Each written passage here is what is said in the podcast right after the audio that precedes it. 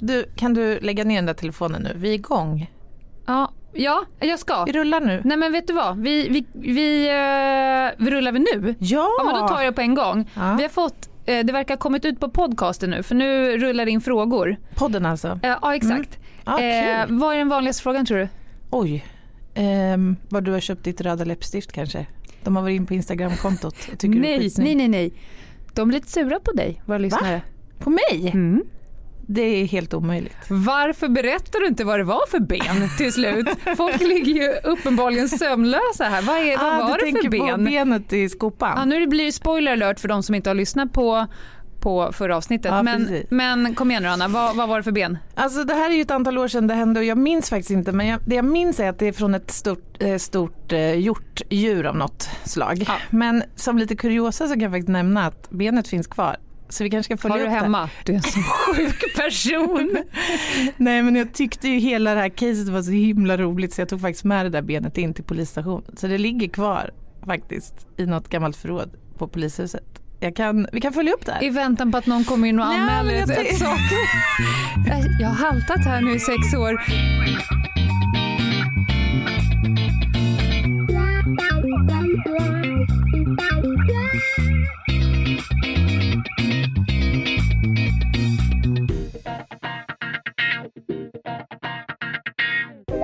Välkomna till krimpoddarnas krimpodd Över min döda kropp med mig Anna Jinghede och Lena Ljungdahl. Berätta om din vecka Anna, hur har den varit? oj, veckan, ja det är som vanligt full, full fart. Mm, du har varit ute och rest igen? Ut och rest, jag har varit på mässa, eh, odontologisk riksstämma som den också kallas. Odonto, alltså tandläkare. Ja, Ja. tandvårdspersonal från Ja. hela Sverige. Och eh, faktiskt ganska mycket norrmän i år märkte jag. Mm. Jag har föreläst, pratat om eh, katastrofer och rättsodontologisk identifiering. Svinroligt, fullsatt eh, lokal. Kanonkul. Ja, det var jätte, jättekul. Ja. Själv då? Jag har haft en extremt brokig vecka. Nej, jag orkar inte ens dra den. Jag har varit på hög, högt och lågt, förberett saker, sprungit på möten och så vidare. Känner mig lite lätt schizofren nu när Ja, veckan börjar ta slut. det. Det är lite svårt, så jag, jag måste erkänna jag har faktiskt inte riktigt fått kläm på vad du pysslar med just nu. Nej. Vad- vad- kan du inte berätta lite? Alltså jag, vet ju, jag vet ju att en stor del av din polisiära karriär Ja. har figurerat kring knark. Ja, Stämmer det? det är väl det det, så? ja, det stämmer. Och det är väl det jag jobbar eh, i princip ingenting med. Jo, det gör jag ju. Jag föreläser ju fortfarande på både Just det. Polisutbildningen ibland, juristlinjen och för yrkesverksamma jurister och så vidare om knark. Men annars så, det är väl det. Men eh, i min polisiära ka- karriär så var ju väl knark den, den röda tråden. Faktiskt.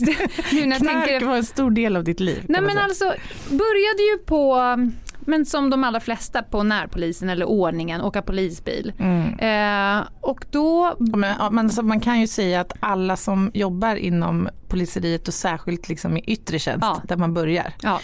kommer ju i kontakt med narkotika på Ja, olika sätt. ja, man märker ju det att när man, eller jag åkte på jobb, spelar ingen roll om det var trafikolycka, någonting i hemmen, någon annan kriminalitet, stöld. Knark fanns ju hela tiden som en- en ingrediens. Mm. Den dök upp igen och igen vilket gjorde att jag blev liksom ofrivilligt eh, eh, duktig på det. Och också intresserad av det som fenomen. Mm, Och jag tänker att det där är en sån typisk grej som människor i gemen liksom inte förstår. Nej. Att det är så utbrett och faktiskt så vanligt förekommande. Nej. Och i och med att det är, om vi nu ska prata rättsväsendet eh, och narkotika är en stor del av det. Så nu tänker jag att vi viger det här avsnittet till knark. Efter att ha varit där på, eh, i yttre tjänst eh, några år så hamnade jag på det som i folkmun kallas för rave-kommissionen. Ja det här tycker jag är spännande. Ja, Berätta om det. det Jag tänker bara på unts, unts, unts. Ja, det har hänt. Uns, uns, unsfester. Eh, Och då vill jag vara väldigt tydlig med att säga att det är ju inte ett likamedstecken med att lyssna på uns uns musik och använda narkotika. Men självklart så flödar det där, liksom på alla andra fester. Men alltså varför, varför kallas det för rivkommissionen då? Nej men i tidernas begynnelse, jag vet inte, har du talas om Docklands? Ja, ja. Ja men det var ju svintrendigt ungefär i samma era som ravekommissionen startade. Ja. Eh, sen så ravefesterna flyttade, under min tid när jag var på ravekommissionen som hette ungdomssektionen på länskrim egentligen. Mm. Eh, så hade ju eh, ravefesterna flyttat ut så det var ju på olika, i scoutstugor och i skogen och, och parker och sådär. Mm. Men framför allt var mitt arbete på ungdomssektionen, eh, det var ett väldigt tydligt uppdrag. Ja. Förhindra att folk börjar med narkotika. Hitta förstagångsbrukarna, de här unga tjejerna. Eh, Vi hade mycket samarbete med olika samhällsaktörer, projekt med Maria Ah, Ungdom, socialtjänsten, liksom. Mm. jobbar mycket med familjeföreningen Mm. mot narkotika. Och då kände jag så här, det här äntligen lite samhällsnytta. Mm, ja. Det, det kändes väldigt bra i, ja, men i hjärtat. Mm. Det var ett hårt arbete. Ja, men jag Eh, förstår. Och faktum är att jag delar den här erfarenheten med dig faktiskt. Jag har också jobbat som ungdomspolis i Örebro. Mm, och då var det väl narkotika Ja, men det en del av stort, det. Mm. ja, men stort fokus på det, absolut. Alltså preventiva insatser och sociala, alltså tidiga insatser för Ja. att förhindra en men negativ utveckling i kriminalitet men Ja. också rekrytering till liksom den grövre organiserade brottsligheten till exempel och gäng och sådär. Ja.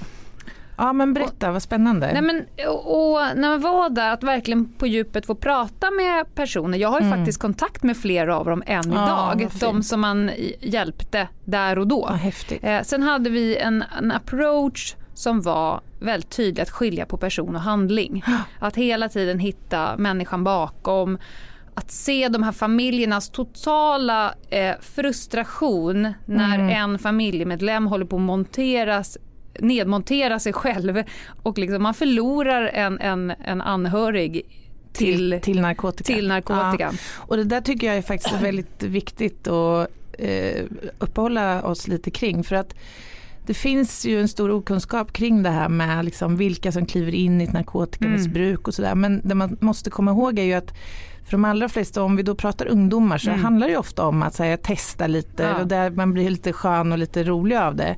Men när man sen kliver över till den här gränsen när man har utvecklat ett beroende så fyller ju ofta drogen någon slags funktion för en. Och då kan det handla om att man Absolut. måste ha den för att liksom fungera bra, att vara lätt eller kunna sova eller Ja. dämpa smärta eller vad det nu kan vara för någonting. Så att Ja. man successivt hamnar ju liksom i greppet Ja. utan att man överhuvudtaget ville det från början eller såg det komma. Nej, och där, det var väl där som jag lärde mig egentligen varför blir man beroende? Vad händer i kroppen? Mm. Jag lyssnade på en läkare och det är liksom en, en kunskap som jag tog med mig i det här. Så hur belöningssystemet Mm. fungerar. Mm. Så när du och jag har vår absolut bästa dag, jag vet inte hur den ser ut för dig, men om man har eh, allt, grädde på moset och alltihopa Mm. en hel dag så kan vi få då en rejäl utsöndring av vårt belöningssystem. Alltså att endorfiner och dopamin och så Mm. sprutar ut. Om man tar en, ett, eh, ett preparat, Mm. eh, narkospreparat, ja, men säg kokain. Mm. Utsöndringen i må bra-registret i kroppen Mm. är onaturligt hög. Mm. Och eftersom kroppen är en extremt fiffig konstruktion och alltid eh, vill sträva efter balans så sänker ju den nivåerna för ditt normalläge. Mm. Så om du skjuter i taket, om du stoppar i kokain och belöningssystemet går i taket, då kommer kroppen bara, det här är inte bra. Vi sänker utgångspunkten. Mm. Vi, normalläget trycker vi ner helt enkelt. Så att nästa gång så slår du inte taket. Mm. Och varje gång du tar då så sänks no normalläget och till slut hamnar man ju där som du beskriver. Mm. Att jag behöver mitt preparat Mm. för att fungera i vardagen. Det vill Ja. säga om jag inte tar preparatet så mår jag obeskrivligt dåligt. Vilket gör att då är det helt osannolikt att du skulle sluta för då måste du genomlida perioden, Mm. för kroppen återställer ju sig själv sen men du måste liksom genomlida en, perso- en, en period av tristess. Ja, tristess och en massa andra symptom på abstinens. Ja. Det är ju faktiskt så att, eh, och det var en lärdom jag fick när jag jobbade i yttre tjänst, att hos de allra flesta, så, eller hos många ska jag säga, så ser man ju inte att man är påverkad. Nej. Man ger inga tydliga yttre liksom, tecken på det och det beror ju på att när man har då sin drog i liksom, kroppen så mår man ju ganska bra. Mm. Det är när man är i sin abstinenta fas som man kanske blir mer spattig och, och så här. Ja. Mm. Ja, nej men där var jag några år. Ja. Eh, det var kul, det var jobbigt, lärde känna mig själv, jag lärde känna de olika narkotiska preparaten och eh, väldigt mycket intressant. Fick du testa dem för att lära känna dem? Nej, jag Nej. har inte eh, gått den vägen. Eh, däremot så har jag ju varit med i alla stadier av ett rus Mm. i alla olika eh, preparat och situationer. Mhm. För man tror så här, ja men jag vet, eh, heroin funkar på det här sättet. Det beror på vem, Mm. humör, tillstånd, miljö, dagsform och sen så beror det lite på när du träffar personen. Det är en sak när man är i accelerationsfasen, så precis när du har stoppat i det här preparatet oavsett vad det är. Mm. Sen så kommer kanske den här kicken då. då. Den brukar ju försvinna lite med, längs vägen. Och sen kommer någon form av platå. Alltså nu, här är en stund som du är påverkad. Det kan vara 45 minuter. Det kan vara 8 timmar. Det beror på vilket preparat det är. Sen kommer ju en, en landningsfas när, när preparatet är på väg ut ur kroppen och sen så kommer efterreaktionerna som väldigt sällan är trevliga. Det vill säga du pytsar i nytt. Mm. Kanske med ett annat preparat. Ja men exakt. Eh, så att eh, jag har sett alla delar. Mm. Eh, Intressant. är det bara dåligt med knark tror du? Vad tycker du?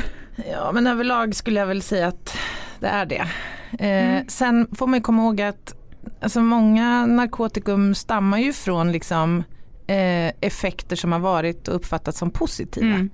Ja, men som smärtstillande till Ja, exempel, visst. opoidpreparat till exempel. Eh, så att det finns ju faktiskt bra saker med narkotiska preparat om man säger Absolut. så. Eh, de som inte är förbjudna. Nej, men, och även de och som är förbjudna. Alltså varje preparat har ju sina pros and cons. Jo, Annars så så skulle ju. ju ingen göra det. Nej, och ett faktum är att jag lyssnade på Alex och Sigge häromdagen, Ja. en, ett av deras poddavsnitt och jag tyckte Sigge pratade om det där på ett ganska spännande sätt på något vis. För det är lätt att prata om gruppen narkomaner som en grupp som generellt mår väldigt dåligt. Mm. Men han la en liten filosofisk aspekt på det där och menar att vad fan mår de så jävla dåligt egentligen under sitt rus? Mår de Nej. inte egentligen jäkligt bra Men då? Då mår de ju fantastiskt ja, under kick och platåfasen. ja. Eh, nej, Nej, men sen har jag ju själv lite, lite personliga erfarenheter av det här faktiskt. Okej, jag kunde inte se den komma. Nej, jag förstår det. Ja. Nej, för det är en lång historia kort. Jag hade ju en episod förra sommaren, fick en ganska ett allvarligt tillstånd i ryggen Mm. efter en operation och eh, låg länge på sjukhus och sådär. Och då var jag tvungen att få morfin för smärtan för att Ja. jag hade så fruktansvärt ont. Och efter då ett par månaders morfin, kontinuerligt eh, morfinbruk så kände jag att min hjärna hade blivit helt kognitivt kidnappad. Ja. Så när jag skulle igång och börja jobba och skriva och allt det där så nej, jag kände att det här, det här går inte. Så jag ringde upp läkaren och sa du det här måste genast upphöra nu. Jag, jag måste försöka och trappa ur det här på något sätt eller i Mm. alla fall Starkt. byta ut. Starkt jag, att göra det. Ja, men jag, mådde inte, alltså jag mådde ju bra smärtmässigt men jag kände att jag började bli tillräckligt kry liksom för Ja. att förstå vad det gjorde med mig. Så han bara okej, här får du ett nedtrappningsschema, du minskar med 5 milligram eh, dag ett och håller den dosen i fyra dagar. Ja, det, var så här, Ah. det skulle ju ta liksom fasen en tre veckor innan jag var tillbaka på ruta ett. Mm. Så jag sa det till min man och kväll, bara, "Äh, fan, jag, test, jag testar att sätta ut allt på en gång. Så jag Ah. slutade tvärt. Cold turkey? Ja visst förstår du, för sen dagen efter jag bara, "Aj, gud jag tror jag har fått influensa, det är ont i varenda led.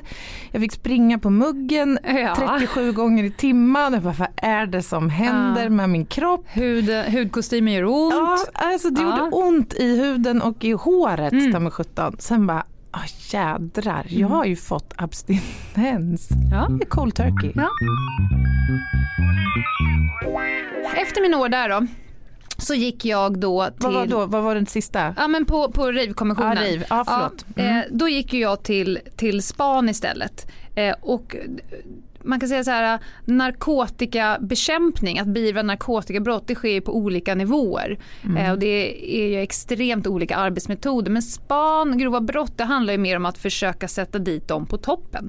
De som tjänar en jädra massa pengar på, grund, på, på folks sorg och misär.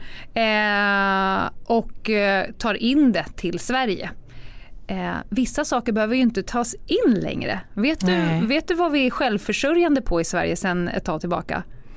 Som inte behöver potatis. smugglas. Vad sa du? Potatis eller? Potatis ja, absolut. Nej men i Mariana. narkotikaväg. Nej ja, oj Mariana. vad svårt. Ma- Mariana? Alltså, sant? det, det odlas tillräckligt What? mycket marijuana i Sverige så att vi är självförsörjande vadå? nu. det, det måste ju betyda att det finns odlingar i Ja. var mans hem Ja. och trädgård. Ja, inte var.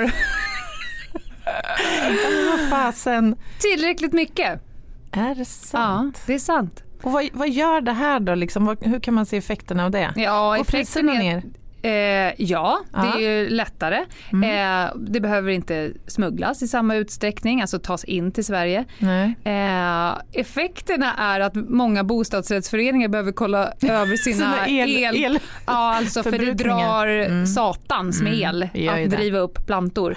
Eh, så att, eh, ja, det kan du kika på. Det hade jag ingen aning om faktiskt. Nej. Men vad är det annars som är liksom den stora drogen i, idag i Sverige? Då?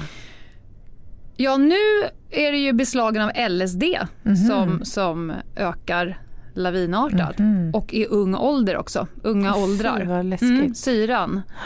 Ja, Men du, du gillar ju syra, vet jag. jag tänker, va? Det måste ju vara något, men du kör ju syra i ditt ansikte vet jag. Varje, Ja, varje du tror att jag ligger hemma och smetar LSD-facet? jag orkar inte. eh, Ah. Ja, jag kör andra syror. Ja. Det är för sig. Ja.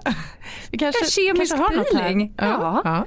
Nej, men jag kanske passar på den. Mm. Eh, nej, men LSD är en, är en sån här grej som, som ökar. Mm. Jag har en, en anekdot.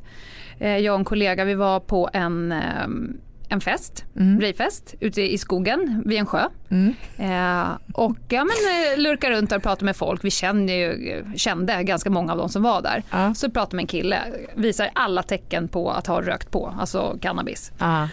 Så jag står och pratar med honom där och, och han erkänner ju snabbt att han har tagit cannabis. Och han bara, åh, ja, men, åk, nu åker vi och pissprov så jag får liksom komma tillbaka och festa. Ja men det absolut kan man vara lite schysst ibland. Eh, men medan jag stod och pratade med honom så började han bete sig oerhört märkligt. Han började liksom plocka eh, saker i luften som, ja, in, den som inte finns. är ju lite klassisk. Eh, så jag gör liksom en egen liten så heads up att det här är inga som helst tecken på, på cannabis. Eh, och medan vi står och pratar blir det bara värre och värre. Mm. Mår liksom sämre och sämre och börjar bete sig oerhört märkligt. Mm. Eh, och LSD är en hallucinogen eh, drog. Eh, Du kan väl berätta för lyssnarna vad det betyder Ja, och vad det gör med en människa som har tagit det. Ja, det finns lite olika kategorier. Mm. Eh, och då kan man ibland eh, roa sig med att se vilka kategorier det är. För det är, med de här nya drogerna, det är inte alltid lätt att veta Nej. vilken drog man petar i sig.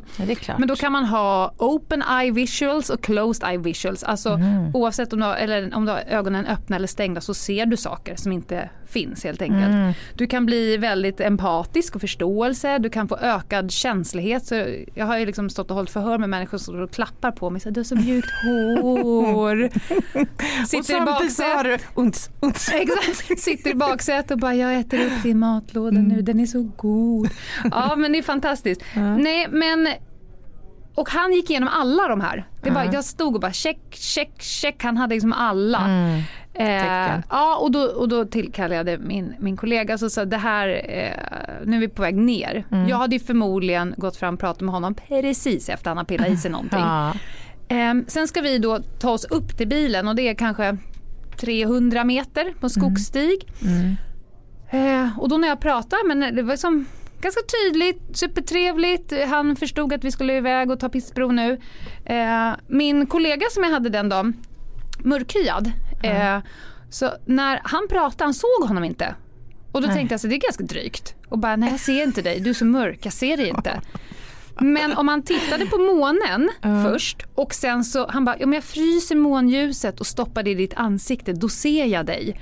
Jaha, ja men kör det då. Så då varje gång, så, varje gång min kollega började prata så var han tvungen att först titta på månen och sen på honom för att se honom. Gud. Eh, och sen så om jag då pratade emellan och så tittade på mig, nej nu försvann han igen, var är han, var är han? Och sen var det så stökigt på vägen upp till bilen för det var ormar och det var glassplitter och jag tror att det tog kanske en halvtimme, 40 minuter Alltså vad att ta. läskigt det där måste vara. Tänk Ja. dig att få såna där Ja. Det och det, sista- kan ju vara, det kan ju vara annat än liksom visuella hallucinationer. Det kan ju vara hörselhallucinationer Ja, och det är så verkligt för dem. Och, ja, ja, det är det. Mm. Det upplevs ju som superverkligt Ja. för de här människorna. Och sista, då tänkte jag så här, men nu har jag bockat av alla, han har ju allting. Mm. Eh, sista är lite så här äh, gudsupplevelsen, God Mm. within man. Mm. Eh, den kom i bilen, för i bilen började han kaskadspy. Oj. Eh, men svalde allting igen. Ja. Vilket på ett sätt, som polis kan man tycka att det är lite det blir inte så kladdigt i bilen. Nej, Nej. det har ju viss praktisk betydelse Ja, men men det var, det var, Gud var i, i spyan så han liksom svalde, han Ah. frälste sig själv. Men så blev han i alla fall skitdålig på vägen in så att vi fick ju åka, istället för att åka till, till polisstation och ta ett pissprov så åkte vi rätt in till akutrummet Mm. på, på, på akuten helt enkelt. du förstår för en Han hade varit anhörig. död idag. Ja, Ja, jag visst, helt, hade han varit i skogen och fått hela den här, han varit död Ja, ja, precis. och, Ni räddade förmodligen livet på honom. Ja. Ja, Men Nej, tänk dig då för en anhörig att stå bredvid och se den här förändringen Ja. hos en närstående. ja. Det måste ju vara supertufft alltså. Jag, jag tänker också hos många unga som, som börjar knarka så är det faktiskt så att det kan ju ta ganska många år innan det överhuvudtaget liksom märks. Och idag, jag tänker på just det här med eh, läkemedel som kan brukas som som narkotika Mm. utan en liksom indikation. Ja. Subutex till exempel Ja. som är ett syntetiskt heroin. ja, eller metadon. Eller, Ja. precis. Och då, det blir så, alltså, det tar ju bort skitigheten lite med Mm. att knarka. Du behöver inte injicera. Nej. Du tar en halv eh, tablett sub och så Ja. blir du happy liksom några timmar och sen måste du på det igen. Och Ja. det tar ju liksom ett antal år då säkert innan det här börjar synas Ja. på individen. ja, den är Så det fruktansvärd. där tycker jag är väldigt hemskt faktiskt. Förr var ett ganska stort steg till att börja Ja. skjuta heroin. Exakt. Men att för en, eh, jag hade två tjejer som hade rymt från ett LVU-boende, Mm. alltså lagen om vård av unga, Mm. eh, som kom över två tabletter Subutex. Ah. Eh, det är ju i princip heroin. Ja, Ja. Och, ste- och ta det, det är inte så stort steg. Ta en Nej. tablett för att liksom, ja men ta det här, den kommer eh, må bra på en gång. Precis. Så, fick det förmodligen gratis första gången. ja. Eh, steget därifrån till att Mm. skjuta heroin, det är inte långt. Nej, därför det blir väl, eller är det så, det blir samma, väl samma typ av, eller det blir inte samma rus väl? Nej. Du får inte ruseffekten va? Nej. Men, Men, men vad får du då? ja, men Subutex och Metadon det är ju liksom behandlingsprogram som man kan gå på Mm. när man vill och har tagit steget att man ska sluta med heroin. Mm. Då kan man gå på Subutex-programmet. Helt enkelt, du får tillräckligt mycket för att inte få de här jättesjuka abstinensen Mm. och cold turkey. Så det ger ju en viss effekt. Och man får bort riskerna i det. Exakt, Mm. exakt. Mer under kontrollerade former. Mm. Ja men precis. Men Subutex säljs ju då på gatan såklart. Ja, och men sen är steget klart. till att börja skjuta heroin. Det blir, om, det blir no, Ja, det blir en inkörsport tyvärr.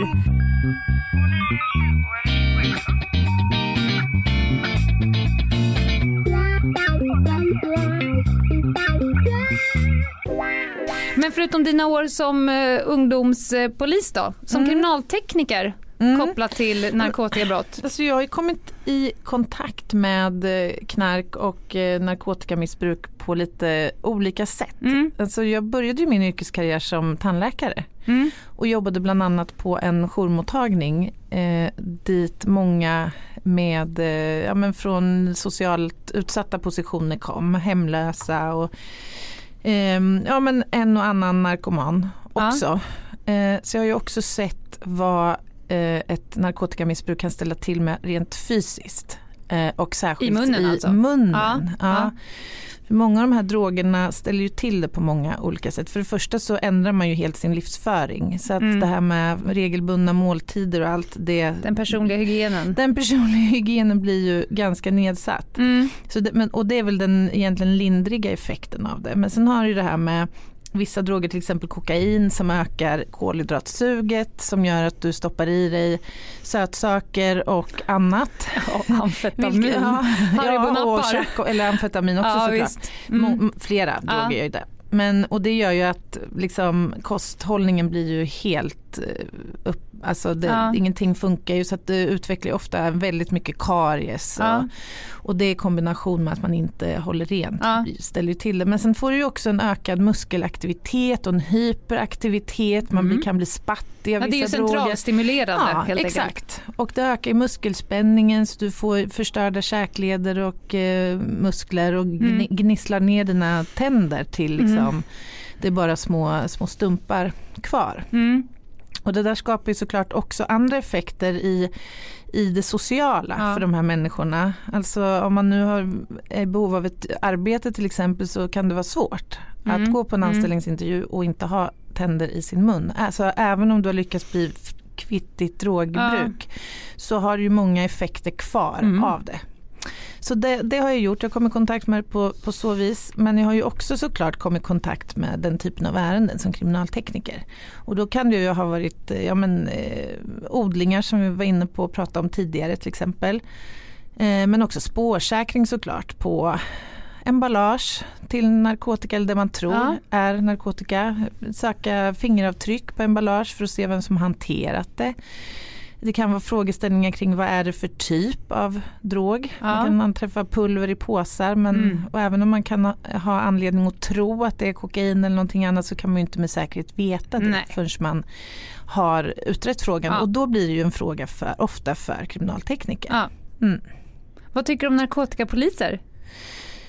Jag älskar narkotikapoliser, jag tycker bara att det är väldigt synd att det finns så få i Sverige. Ja. För att det är ju så att eller jag vet inte om det är så generellt i och för sig men om jag utgår från den eh, region, polisregion som, som jag var verksam i så eh, när man gjorde den senaste stora omorganisationen så avskaffade man en i mitt tycke oerhört viktig funktion. ja.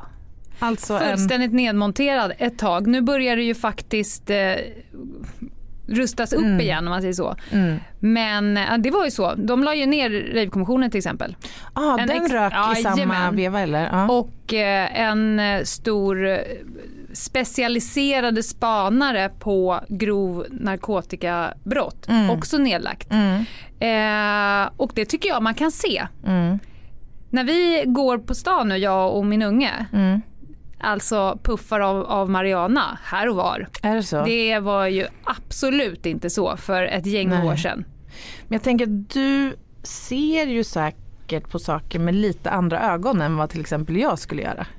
Ja, Det tror Ja, jag. Alltså, så är det nog. Jag tänker om du går över Sergels torg en ja. Fredagkväll. Ja, ja, men jag ser ju på folks ögon. Tunnelbanan på vägen hit. Jag kan ju se på ögonen på eh, en kvinna som sitter några stora bort att där är en som inte har kört sin cold turkey som du gjorde med, med dina morfintabletter. Mm. Eh, att man är liksom tablettmissbrukare. Jo men det, det, det är såklart att jag har lite de glasögonen på mig. Ja. Du frågar mig så här med kriminaltekniker eller kriminaltekniken och Ja. hur man jobbar med narkotikabrott. Alltså en frågeställning som, eh, som ibland dyker upp det är ju det här att spårsäkra sedlar. För Ja. att eftersöka, Ja. ja men det är väl framförallt kokainrester på, på sedlar. Alltså är det där så utbrett tror du som man Alltså, de det är inte en helt ovanlig frågeställning i alla fall. Att Nej, man de säger- beslagtar pengar Ja, liksom men på en kvart och sen, ja. Okej om man då har rullat honom. ihop en, en femhunka Mm, och har, mm. använder den som snortrör. Ja då, då kommer det vara rester på den och då Men är det så man gör alltså? Som på film? Eh, ja, så det kan ju vara en om du är lite Vad mera... väljer man för sedel? Vad tar man upp från Nej, det beror på vilket, vilken, eh, vilket socialt sammanhang du har. Det kan vara lite halvstekigt att köra en femhunka. typ som att jag bryr mig inte. Men Men, du- det kan också vara ett avklippt eh, sugrör från Ja. McDonalds eller vissa har ju lite, i sin lilla mecklåda, de har liksom lite tjusigare. Och de kanske har som ett av- litet kit. Jajamän, med ett litet eh, stålrör. Men shit, jag tänker det här kontantfria samhället vi går Ja, det är mot.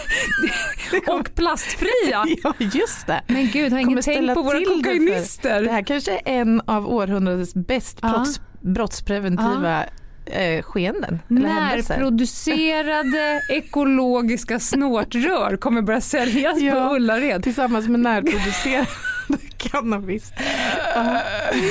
Svanenmärkt. Nej men du, för min erfarenhet eh, när jag har haft att göra med kriminaltekniker i, i, eh, när man gör tillslag. Mm. Eh, Ja, Spanare håller kanske om, inte på så jag. mycket med tillslag men min upplevelse är ju att ni tittar på oss när ni kommer som att kan ni bara stå väldigt, väldigt still nu i er exaltering av att Ja. hitta. Som att så här, ja, det var en kriminaltekniker tekniker som sa till mig en gång så här. Lena du vet att den här påsen knark som ligger på bordet den kan inte Men- börja springa av sig själv. Alltså- det är inte bråttom längre nu. Nej, men vad är det är som att ni, ni säger jag, men spanare, det är Ja. som att ni har suttit och väntat så länge och Ja. byggt upp en förväntan om att slå, alltså göra tillslag. Mm. Och sen är det som att det är liksom vinsten, det är att få gå fram och känna lite på grejerna. Jag måste få se lite på det, bara gärna liksom ta, lukta lite. och då, då sabbar ni ju Ja. liksom hela upplägget, alltså det blir ju nya spår. Jag fattar. Vi ska, vi ska skilja på saker och ting. Ja. De som håller på med span. Jag överdriver gör, lite ja, också. Nej, men lite. Nej, men det Ja. gillar jag. De som håller på med span gör väldigt sällan tillslag. Eh, utan då, de du pratar nu är förmodligen gatulangningspoliser eh, och sådana som har som arbetsuppgift att vara jävligt snabba i tempoväxlingar. För Mm. knark, när man inte är snabb, när man ska ta personer som har narkotiska preparat med sig, de kan med en nysning sprida ut 300 Mm. Ja, gram ja, heroin. precis. Så Spola man ner har så himla högt tempo Ja. och tänker, jag då som när, när jag jobbade på det som kallas Rave-kommissionen, då var jag också utbildad förundersökningsledare Mm. eh, för att kunna ta snabba beslut om till exempel kroppsvisitation. Alltså ute på en plats typ. Ja, exakt. Kroppsvisitation, husrannsakan, kroppsbesiktning och så vidare. Mm. Så att man har ett, en, en hög förmåga att tempoväxla för det Mm. är så bråttom att göra sig av med knark. När man väl hittar det Eh, då är det vår sämsta gren Ja. att bara okej nu, Frysa precis läget, just nu är det inte ut. bråttom längre. Eh, för nu ska teknikerna Ja. komma och det tar tre veckor.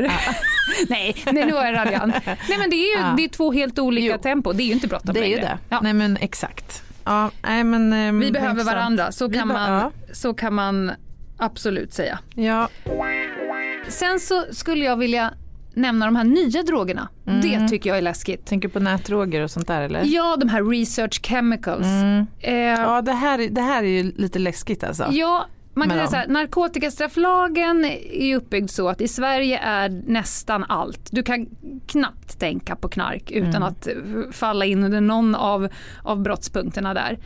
Eh, men eh, de här nya eh, drogerna eh, de labbar liksom fram nya hela tiden för så fort du ändrar den molekylära uppsättningen så har du ett nytt preparat som då i sig är oklassat. Mm. Ja. Sen tar det en tid innan den byråkratiska processen hinner ikapp Jag och vet. Mm. klassa den drogen. Och då labbar de ju såklart fram en ny drog. Vilket gör att våra ungdomar sitter och labbar på sig själva. De Mm. Ja. tar ett preparat som de inte har en. Aning om Nej. vad som kommer hända. De kommer på sin höjd ha läst en flashback Ja. tripprapport där Mm. någon skriver så här, jag tog det här, det var gött. Ja Eh. och dessutom så har de ingen aning om hur de här grejerna ska doseras ju. Nej. Vi har ju haft eh, eh, ett antal fall bara sista åren av eh, död i, av fentanyl. Ja. Och det är ju sprayer som man Ja. sprayar upp i näsan och det är så oerhört Ja. potent. Ja. Så att det liksom, du kan dö av ett sånt där Ja. spray liksom. Eh, och det, är- alltså det är så fruktansvärt otäckt verkligen. Och att unga, som du säger, utsätter sig för det. Eh, och de, för att de har ingen aning om vad det gör med kroppen. Nej, jag fattar inte de Nej, vågar. att de vågar det. Jag pratade med en läkare också, de, de är ju skitnoja för det här för de, sjukvården är lite handfallen. De vet Mm. ju inte vad som är Nej. rätt motgift. det finns inga antidoter eller motgifter ju till de här Nej, och de vet ju inte vad de ska blanda ihop för cocktail där uppe. För Nej. eh, heroin, kokain, amfetamin så, det är beprövat, det finns dokumenterat vad de ska göra Mm. vid överdos. När det kommer in någon nu, de vet ju inte Nej. vad de ska sätta in. Så att, eh, om men vi nu ska ge tips, håll inte på med sånt där nytt skit om Nej. inte annat. För att det är ingen som kan hjälpa dig när det går snett. Nej, nej fy. Det är läskigt. Men har du varit med om för övrigt på sjukhus att du har kommit in med en överdos, Ja. överdoserad som ska få eh, sin eh, antidot eller motgift Ja. och där ruset, alltså man vaknar till, piggnar Mm. till, ruset försvinner och vederbörande bara blir galen Mm. för att man har tagit ifrån Mm. den personen Mm. ruset. Hej välkommen ner på jordytan Alltså igen. fy. Mm. Ja, men det, det, Alltså ja, det där, jag, jag har själv varit med om det några gånger. När jag jobbade i yttre tjänst, bland annat en väldigt ung tjej som jag anträffade på en trappa låg helt, alltså i princip avklädd mitt i vintern. mm. Och hon hade, jag minns inte nu vad det var för drog hon hade fått i sig eller tagit. Mm. Men det blev ju brottningsmatch inne på sjukhuset. Ja, gud Så ja. hon var ju i princip död när vi hittade henne. Jag har fått rulla in en ung tjej i en um, persisk matta. Alltså hon var så, eh, hon var så stark, en Mm. liten tunn tjej. Mm. Eh, Hon var så stark och så galen. Mm. Hon försökte med sina tänder äta upp en tresitssoffa. Mm. Eh, vilket vi, vi måste in nu med dig. Eh, Mm. Och denna brottningsmatch Mm. kan hon ha vägt 50-60 kilo. Vi, för att hon inte skulle skada sig själv så fick vi liksom rulla in Alltså för att inte ja, armar och ben, ja, men hon höll ju på att få av sina liksom. egna extremiteter. Mm. Så Mm. att vi fick rulla in i en matta kändes som på film, du vet man går Ja. ut med matta. Och Nej, men det var det bästa i Klart. situationen för att hon inte på något sätt skulle skada sig Ja. själv eh, eller oss. Ja. Nej, det finns enorma eh, krafter Mm. i, i kroppar. Mm. Ja. Ja, sen, sen vill jag bara, när vi ändå var inne på det här med narkotikastrafflagen. Det har faktiskt Mm. kommit nya brott. Eh, som har dykt Har upp. Eh, man har liksom höjt upp så att nu för tiden finns det förutom ringa brott, normalgradsbrott, grovt brott så har vi också ett nytt brott som heter synnerligen grov, Mhm. grovt narkotikabrott och grov narkotikasmuggling. Mm. Och det tycker jag är intressant nu kopplat till de här äh, gängkriminaliteten, de här skjutningarna. Det är Mm. deras absolut största inkomstkälla, Ja, narkotika. Precis. Och det är ett Eh, sätt att... de här ja. ja, gängen. Eh, och ett av kriterierna för, liksom, som man be- bedömer om det ska bli ett synnerligen grovt brott. Mm. Eh, förutom att det är liksom, om det är en extremt stor mängd, om det är en, en extrem hög halt, alltså renhet, Mm. om det är liksom en handel i storskalig. Eh, så är det också om man använder sig av unga kurirer. Mm. Och det görs nu Ja. för tiden. Precis. Man fiskar upp någon och bara Ja. nu ska du börja springa med knark eller vapen och så vidare. Äh, det är så hänsynslöst alltså. och fruktansvärt. Ja, verkligen. Att i sin, i sin maktställning, för det är ju det även där, Mm. utnyttja Ja, unga de personer. mest utsatta individerna i samhället liksom. Vi hade en mattant faktiskt, hon sålde fem gram hasch över disk i, eh, i skolan hon jobbade på. Va? Mm. Och då var det ganska Och då tänkte hon rekrytera till Bamban eller? Nej. Och det är då matsal för, för, det har jag lärt mig på senare år. Nej men alltså hon hade ju en, en grupp konsumenter i sin närmiljö. Så att man kunde i, i matsalen, en skola här i Stockholm, man kunde i matsalen inte bara få lapskojs. Man kanske inte äter lapskojs vegetarisk idag. Nej man kunde köpa femma under Nej. disk. Av mattanten. Men det heter inte gud. mattant, vad heter det? Nej men alltså när du säger Kock. mattant så får ju jag en bild Ja. Av Ja, en tänk mattant. ja, tänk dig att hon säljer braj till ungarna. Det här var på en högstadieskola. Och då Herregud. vart det faktiskt, då fanns inte synnerligen grovt. Men hon blev dömd för grovt narkotikabrott endast på grund av att det var hänsynslös Ja. eh, art. Alltså att utnyttja Jösses. unga.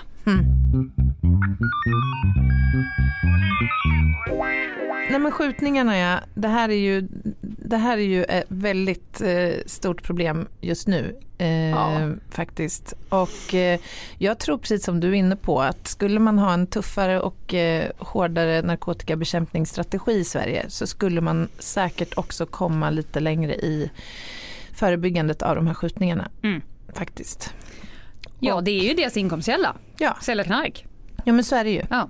Och det är också eh, grunden kanske till många av de här uppgörelserna. Mm. Det är Ja, ju ja. konkurrens. Ja visst, det är klart. Ja, Men är det någon slump att det är i Malmö det här sker? Jag tänker det är väldigt nära liksom gränser eller kontinenten. Kan det ha något med det att göra? Har det Det liksom, där är ju är det tusen- införsel 10 där? 000 kronors frågan. Ja, jag vet. Vad är det som sker? Och när man, jag vet, för några år sedan så var det ju väldigt stora problem i i Södertälje. Då kraftsamlade man ju i Södertälje med allt vad man hade. Mm. Det vet jag att varje pass du, om du inte på riktigt är på ett, ett tjänsteuppdrag då åker du till Södertälje och, Mm. och, och hänger där. Mm. Eh, nu vet jag att man börjar liksom med samma, eh, samma uppdrag nere i Malmö. Mm. Eh, men visst, det är ju nära, nära kontinenten. Det är ju bara en bro Mm. bort såklart. Ja, precis. Nej, Och jag vet inte fruktansvärd hur- situation just nu. Hur, hur ser, jag undrar hur gränsbevakningen ser ut där. Alltså Ja. hur, hur mycket tar man där vid gränsen mot Danmark? Och, Ja, de, de Så. jobbar ju såklart stenhårt. Ja. Men, men som sagt, narkotikabrott är ju en sån här brottskategori så antalet anmälda brott är helt klart en, en, eh, en direkt eh, feedback till hur polisen jobbar mot narkotika. Mm. Och när polisen inte prioriterar, när man inte får uppifrån att nu skall ni prioritera Mm. på narkotikabrott, Mm. det vill säga ni ska prioritera någonting annat, Mm. då eh, sjunker ju Mm. eh, anmälningarna. Så att när man säger ja, men nu, nu, nu är det bra, nu har vi inga narkotikabrott. Det beror ju bara på att polisen inte jobbar mot narkotikabrott. Nej, men sen Det är är- inte så att folk har slutat knarka. Nej, men det är också så här att många som brukar narkotika är ju vad som benämns yrkeskriminella. Ja. Eller livsstilskriminella. De behöver begå brott för att kunna finansiera sitt drogbruk. Ja, är. Så lyckas man plocka bort en eller ett par Ja. sådana element i en stad, då kan man ju ofta också se att mängdbrottsstatistiken sjunker. Eller Absolut. frekvensen sjunker. Absolut. Och för att det är ju så att de, de här människorna är ju många gånger eh, extremt brottsaktiva Mm. faktiskt. Återigen, alltså att skilja på person och handling. Mm. Eh, det är ju många gånger jag har suttit med personer och när man hör deras livshistoria, när man träffar deras familj. Det är ju inte konstigt att de behöver en tillflyktsort. Nej, nej, Det, nej. Och bensodiazepinerna, alltså den, Mm. den, den kategorin, det är ju läkemedel mot Mm. oro, ångest, sömnsvårigheter, nedstämdhet. Ja. Ja, men det är väl klart som fan att du går den vägen om du mår piss Mm. och då mår lite, lite bättre. Mm. Så det, det är förståeligt i många fall och, och som sagt alla preparat har ju sina apps. Men jag Ja, brukar säga och- så här, summan av kardemumman, Mm. om man summerar alla pros and cons så Mm. är knark bajs. Ja. Det är ju det. Knark, Slutet. Det orsakar ju otroligt mycket lidande och eh, ohälsa och sjukdom och kriminalitet Ja. och misär i familjer och på många andra sätt. Nej, men, eh, som narkotikapolis har man ju fått eh, vara med i väldigt mycket saker som har att göra med den kroppen kan man säga. Ja, kroppshålor. Fekalie. Ja, fekaliekontaminerad narkotika. Jag hittar knark i alla Mm. kroppsöppningar. Ja, alla. Du vet det här så här, men kan du sätta dig på huk och hosta en Mm, gång? Oj, där kom det, där Ja. kom det någonting. Ja. Eh, det här med att man drar in någonting genom sin näsa Mm. som en annan person, det man kallar för packåsnor. Det är ett väldigt fult ord för de som är tvingade att svälja eller gör det frivilligt och kommer hit, Mm. sitter i en toa på någon toa eller i en hink Mm. i någon, eh, något förråd här någonstans och bajsar ut Mm. det som sen ska dras in i näsan. Ja. Tror du att det finns bajsspår på Ja, knarket? jag inte bara tror, jag vet att det gör det. För att jag har faktiskt läst en artikel om det här. Det, låter ju helt, det här låter ju högst påhittat men det är faktiskt helt sant. Jag vet att eh, i Spanien, det här var ett, eh, en studie som är genomförd i Spanien för att undersöka spår av E. coli bakterier Ja, ja, ja. Ja. på eh, de här emballagen. helt enkelt. Ja, precis. Ja, för att tala klarspråk. Ja, precis. Ja. Eh, och på de allra flesta av de här så kallade ekollonförpackningarna, de här Ja. runda liksom bollarna, Kapslarna, kapslarna, bollarna, ja, så fanns det spår av eh, E. col- eh, coli, E. coli-bakterier. Ja. Och det här, det här siffran tycker jag är spännande också. På 40 procent av de här emballagen så känner man fortfarande lukt av bajs. Alltså det är ju helt sjukt. Och sen såg man ju då kontaminering liksom i hasch. Det här var, nej det var haschkakor ja. Det är Ja. hasch mm, som man studerade.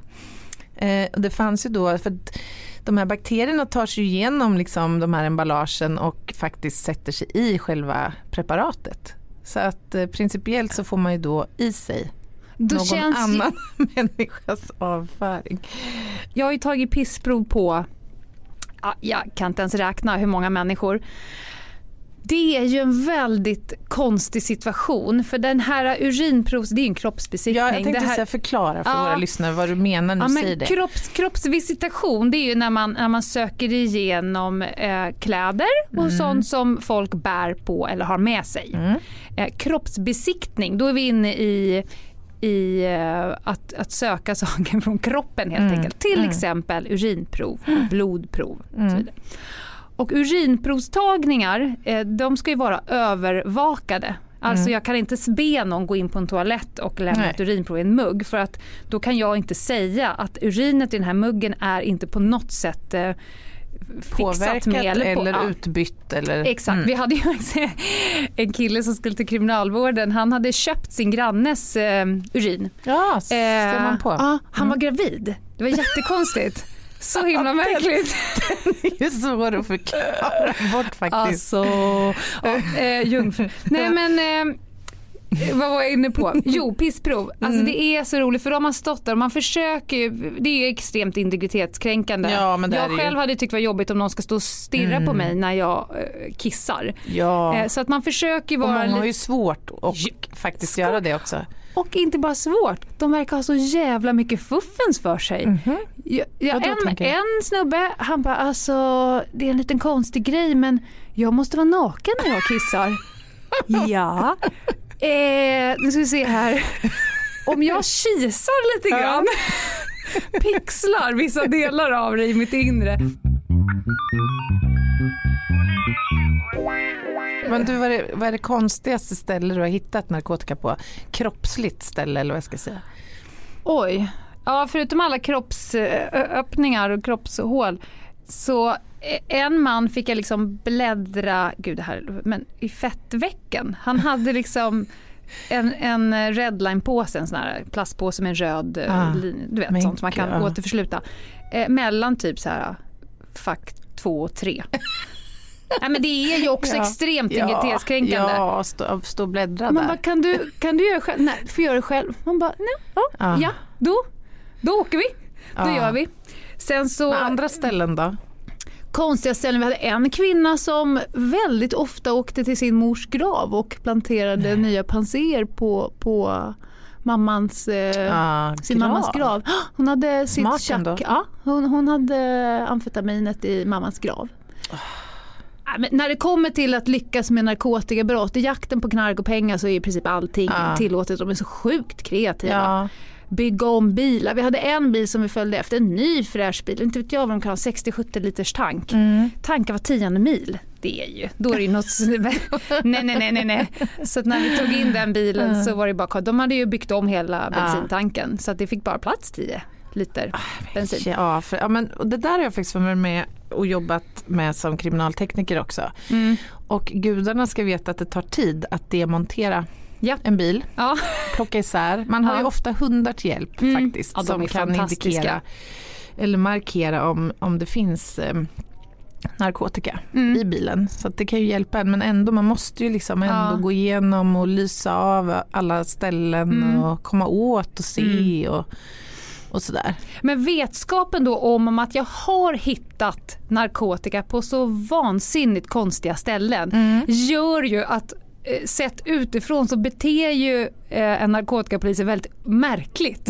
Man bara, är du inte lite Ja, men jag har Ja. hittat knark i dockskåpet. Alltså en, en, en Ja. pappa som hade sitt stash, sina Mm. pengar och knark i inne i sin dotters rum Mm. i dockskåpet. Under, jag tror att det var liksom badkar, det var någon, någon nej men Och det är klart, det är för att man tänker bara. att där letar man ju inte. nej så, vilket gör att vi måste det. Ja, jag vill ju absolut inte leta Nej. där. Eh, Fy vad, vad hemskt. och man hittar ju ganska mycket märkliga saker. Jag har ju faktiskt fastat med handen i en lös, Äh, lös vagina en gång. Vad säger du Du vet när man ska säga, jag måste in här, man ser ju på, eh, i det här fallet var en fläkt eh, trumma. Man ser så här, det här är ju ett, ett hål som öppnas för ofta, jag måste in här, det är någonting här och så känner man bara så här. Ja, men, Orkar inte. Nej, nej men så att, absolut. Så att, förstår jag rätt om det var så att man hade preppat en lösvagina Ja. och sen gömt lösvaginan? Nej, nej, Nej. det var inget knark där. Nej, det var Jag letade efter knark. Ja. Eh, jag tänkte så här. De roligaste, eh, konstigaste och kanske mest vanligaste bortförklaringarna. Åh. Man får ju ta del av en sån fantastisk mängd Ja. eh, roliga bortförklaringar. Ja. Och då ska man komma ihåg, Kreativa, inte minst. Extremt kreativa. Och då ska man komma ihåg att det kan faktiskt vara så. Mm. Det kan faktiskt vara så att en person som har alla tecken för ett visst preparat eh, talar sanning när eh, det är så att den är sjuk, har tagit medicin, just Mm. gråtit, eh, vad det nu är. Men det finns några som är återkommande som jag tänkte komma till här. Eh, till exempel när jag hittade en, eh, en hel eh, marijuanaodling. Mm. Alltså, och det är ju avancerade grejer. Det är ju tält och det är speciella lampor. Mm, ja, ja, gud, det är ett och helt fläktsystem och så vidare. Rigg alltså. Ja. Lyssna på den här meningen. Jaha, jag trodde det var Benjamin Fikus. älskar det. Nej men jag älskar så, det. Så, ja men Ja. herregud, är inte det att tillskriva polisen lite väl svag in, intellektuell förmåga? Nej, jag tycker ändå att det är humor. Man ja, måste det är roligt. finna, ja det är lite gulligt faktiskt. Eh, sen har vi några av faktiskt kändisarnas eh, Ja, favoritgrej. Så här, spännande. polisen måste ha blandat ihop pissproven. Ja men det där är en klassiker. Så som att vi står liksom Ja. och labbar Kör lite kiss, kiss- där, lite kisslabb. kiss där. Ja, den är skön. Sen den här passiv rökning. Ja, Eh, tre, jag läste på, 300 personer per år hävdar det liksom i rätten att det är passiv rökning. Ja.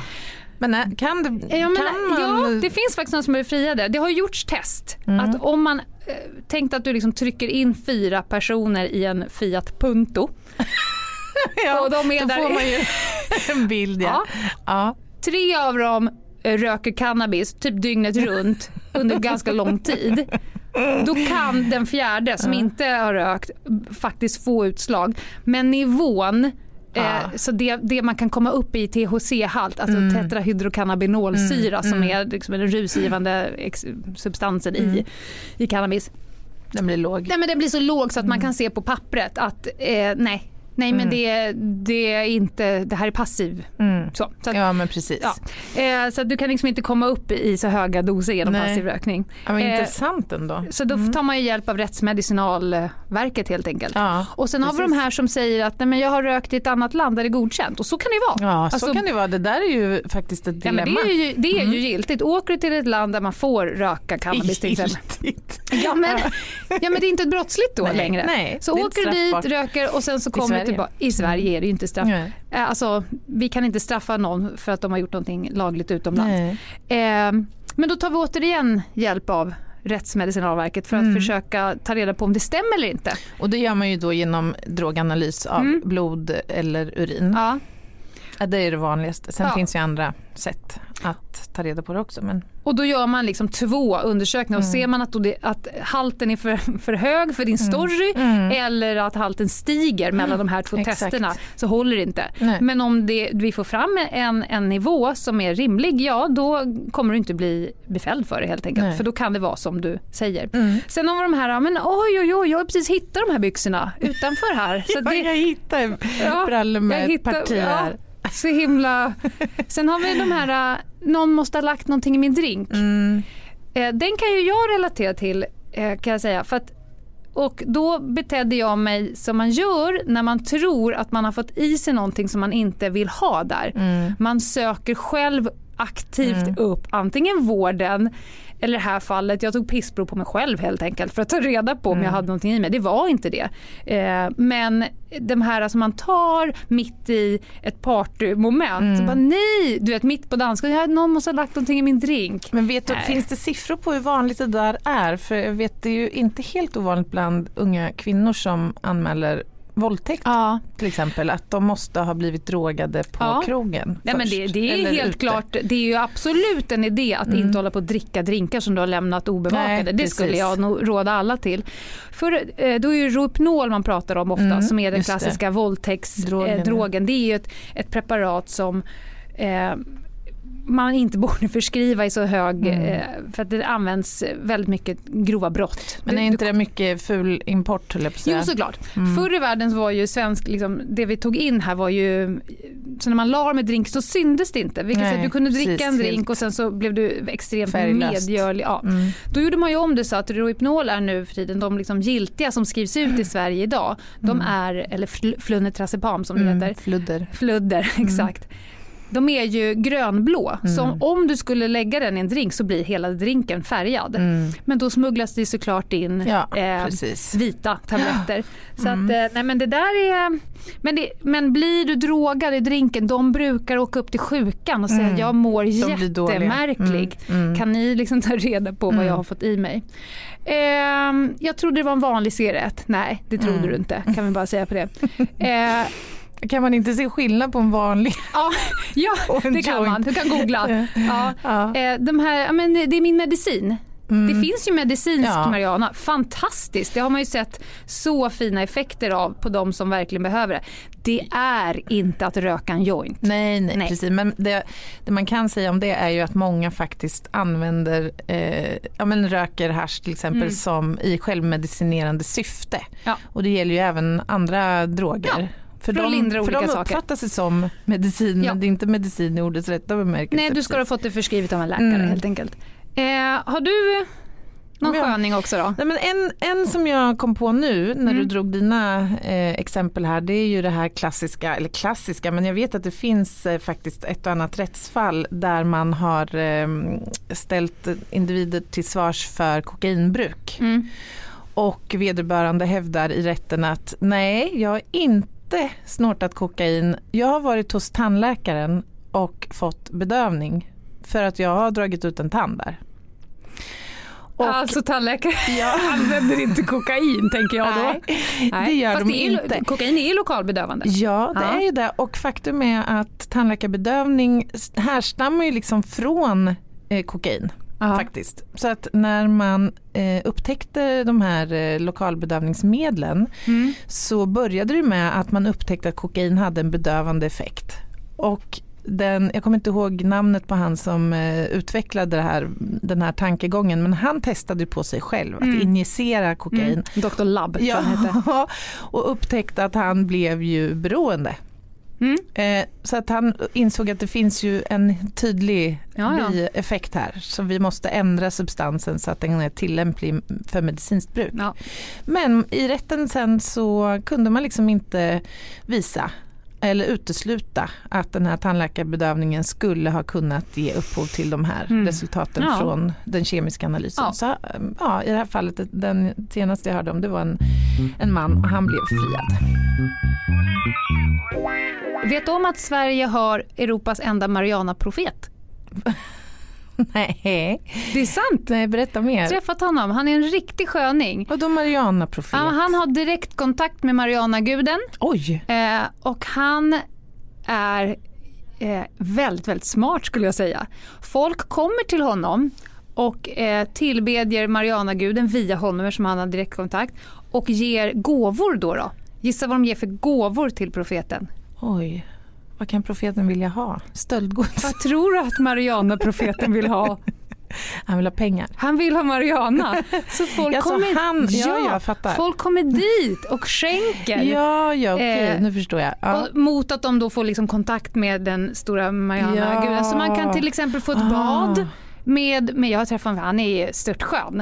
Eh, och en businessman av Ah, rang. Han har finansierat sitt eget bruk. Ja, ja, ja. Smart affärsidé måste jag säga. ja, eh, jag har en eh, myt som jag bara vill slå hål Ja. på. Den vanligaste kommentaren jag har fått i mitt liv när jag ska ha husansakningar. Jag vill se papper. Ja, ja. Jag vill se papper. Det klassiska pappret. Ja, vad säger vi om det? Åh, suck Ja, säger jag. det finns inget papper. Filmgrej. Jag vet Ja. i och för sig inte hur det är i USA. I Amerika. Nej, jag vet inte ens om det ens där. där? Men jag som för, Men när, jag var Sverige förundersöknings, nej, när jag var förundersökningsledare så tar jag på olika beslut. Det finns vissa saker som ska vara uppfyllda eh, inom ramar och så vidare. Det ska finnas en skälig misstanke och så vidare. Mm. Då tar man ett beslut. Nu kan jag säga, nu har jag tagit beslut om husrannsakan. Då får man göra husrannsakan. Sen efteråt ska det självklart dokumenteras. Mm. Men det finns inget papper att flaxa med. Jag har någon gång skrivit på en, en servett. Husrannsakan. Och sen har jag gett det. Eh, gå in på vårt Instagramkonto, Ljungdahl och Ginghede. Det går också att söka upp kontot på Över min döda kropp eller mejla oss på ljungdahlochginghede.gmail.com. Och på Instagram tror jag nu, för att nu när vi pratar om det här med sedlarna, Mm. så jag te- kommer testa. Jag har ju såklart fasen såna kokainsvabbar i min plånbok. Jag kommer testa våra egna sedlar Nej, och se om vi får något utslag. Så lägger vi upp det Spännande. på Instagram. Ja, så håll utkik på Instagram. Ses nästa vecka, eller hörs nästa vecka. Vi hörs nästa vecka. Hej hej! Hej hej!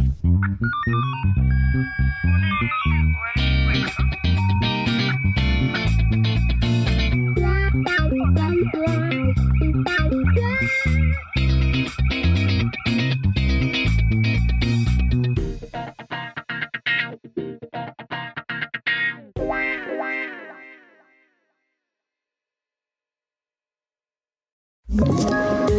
poddtips från Podplay.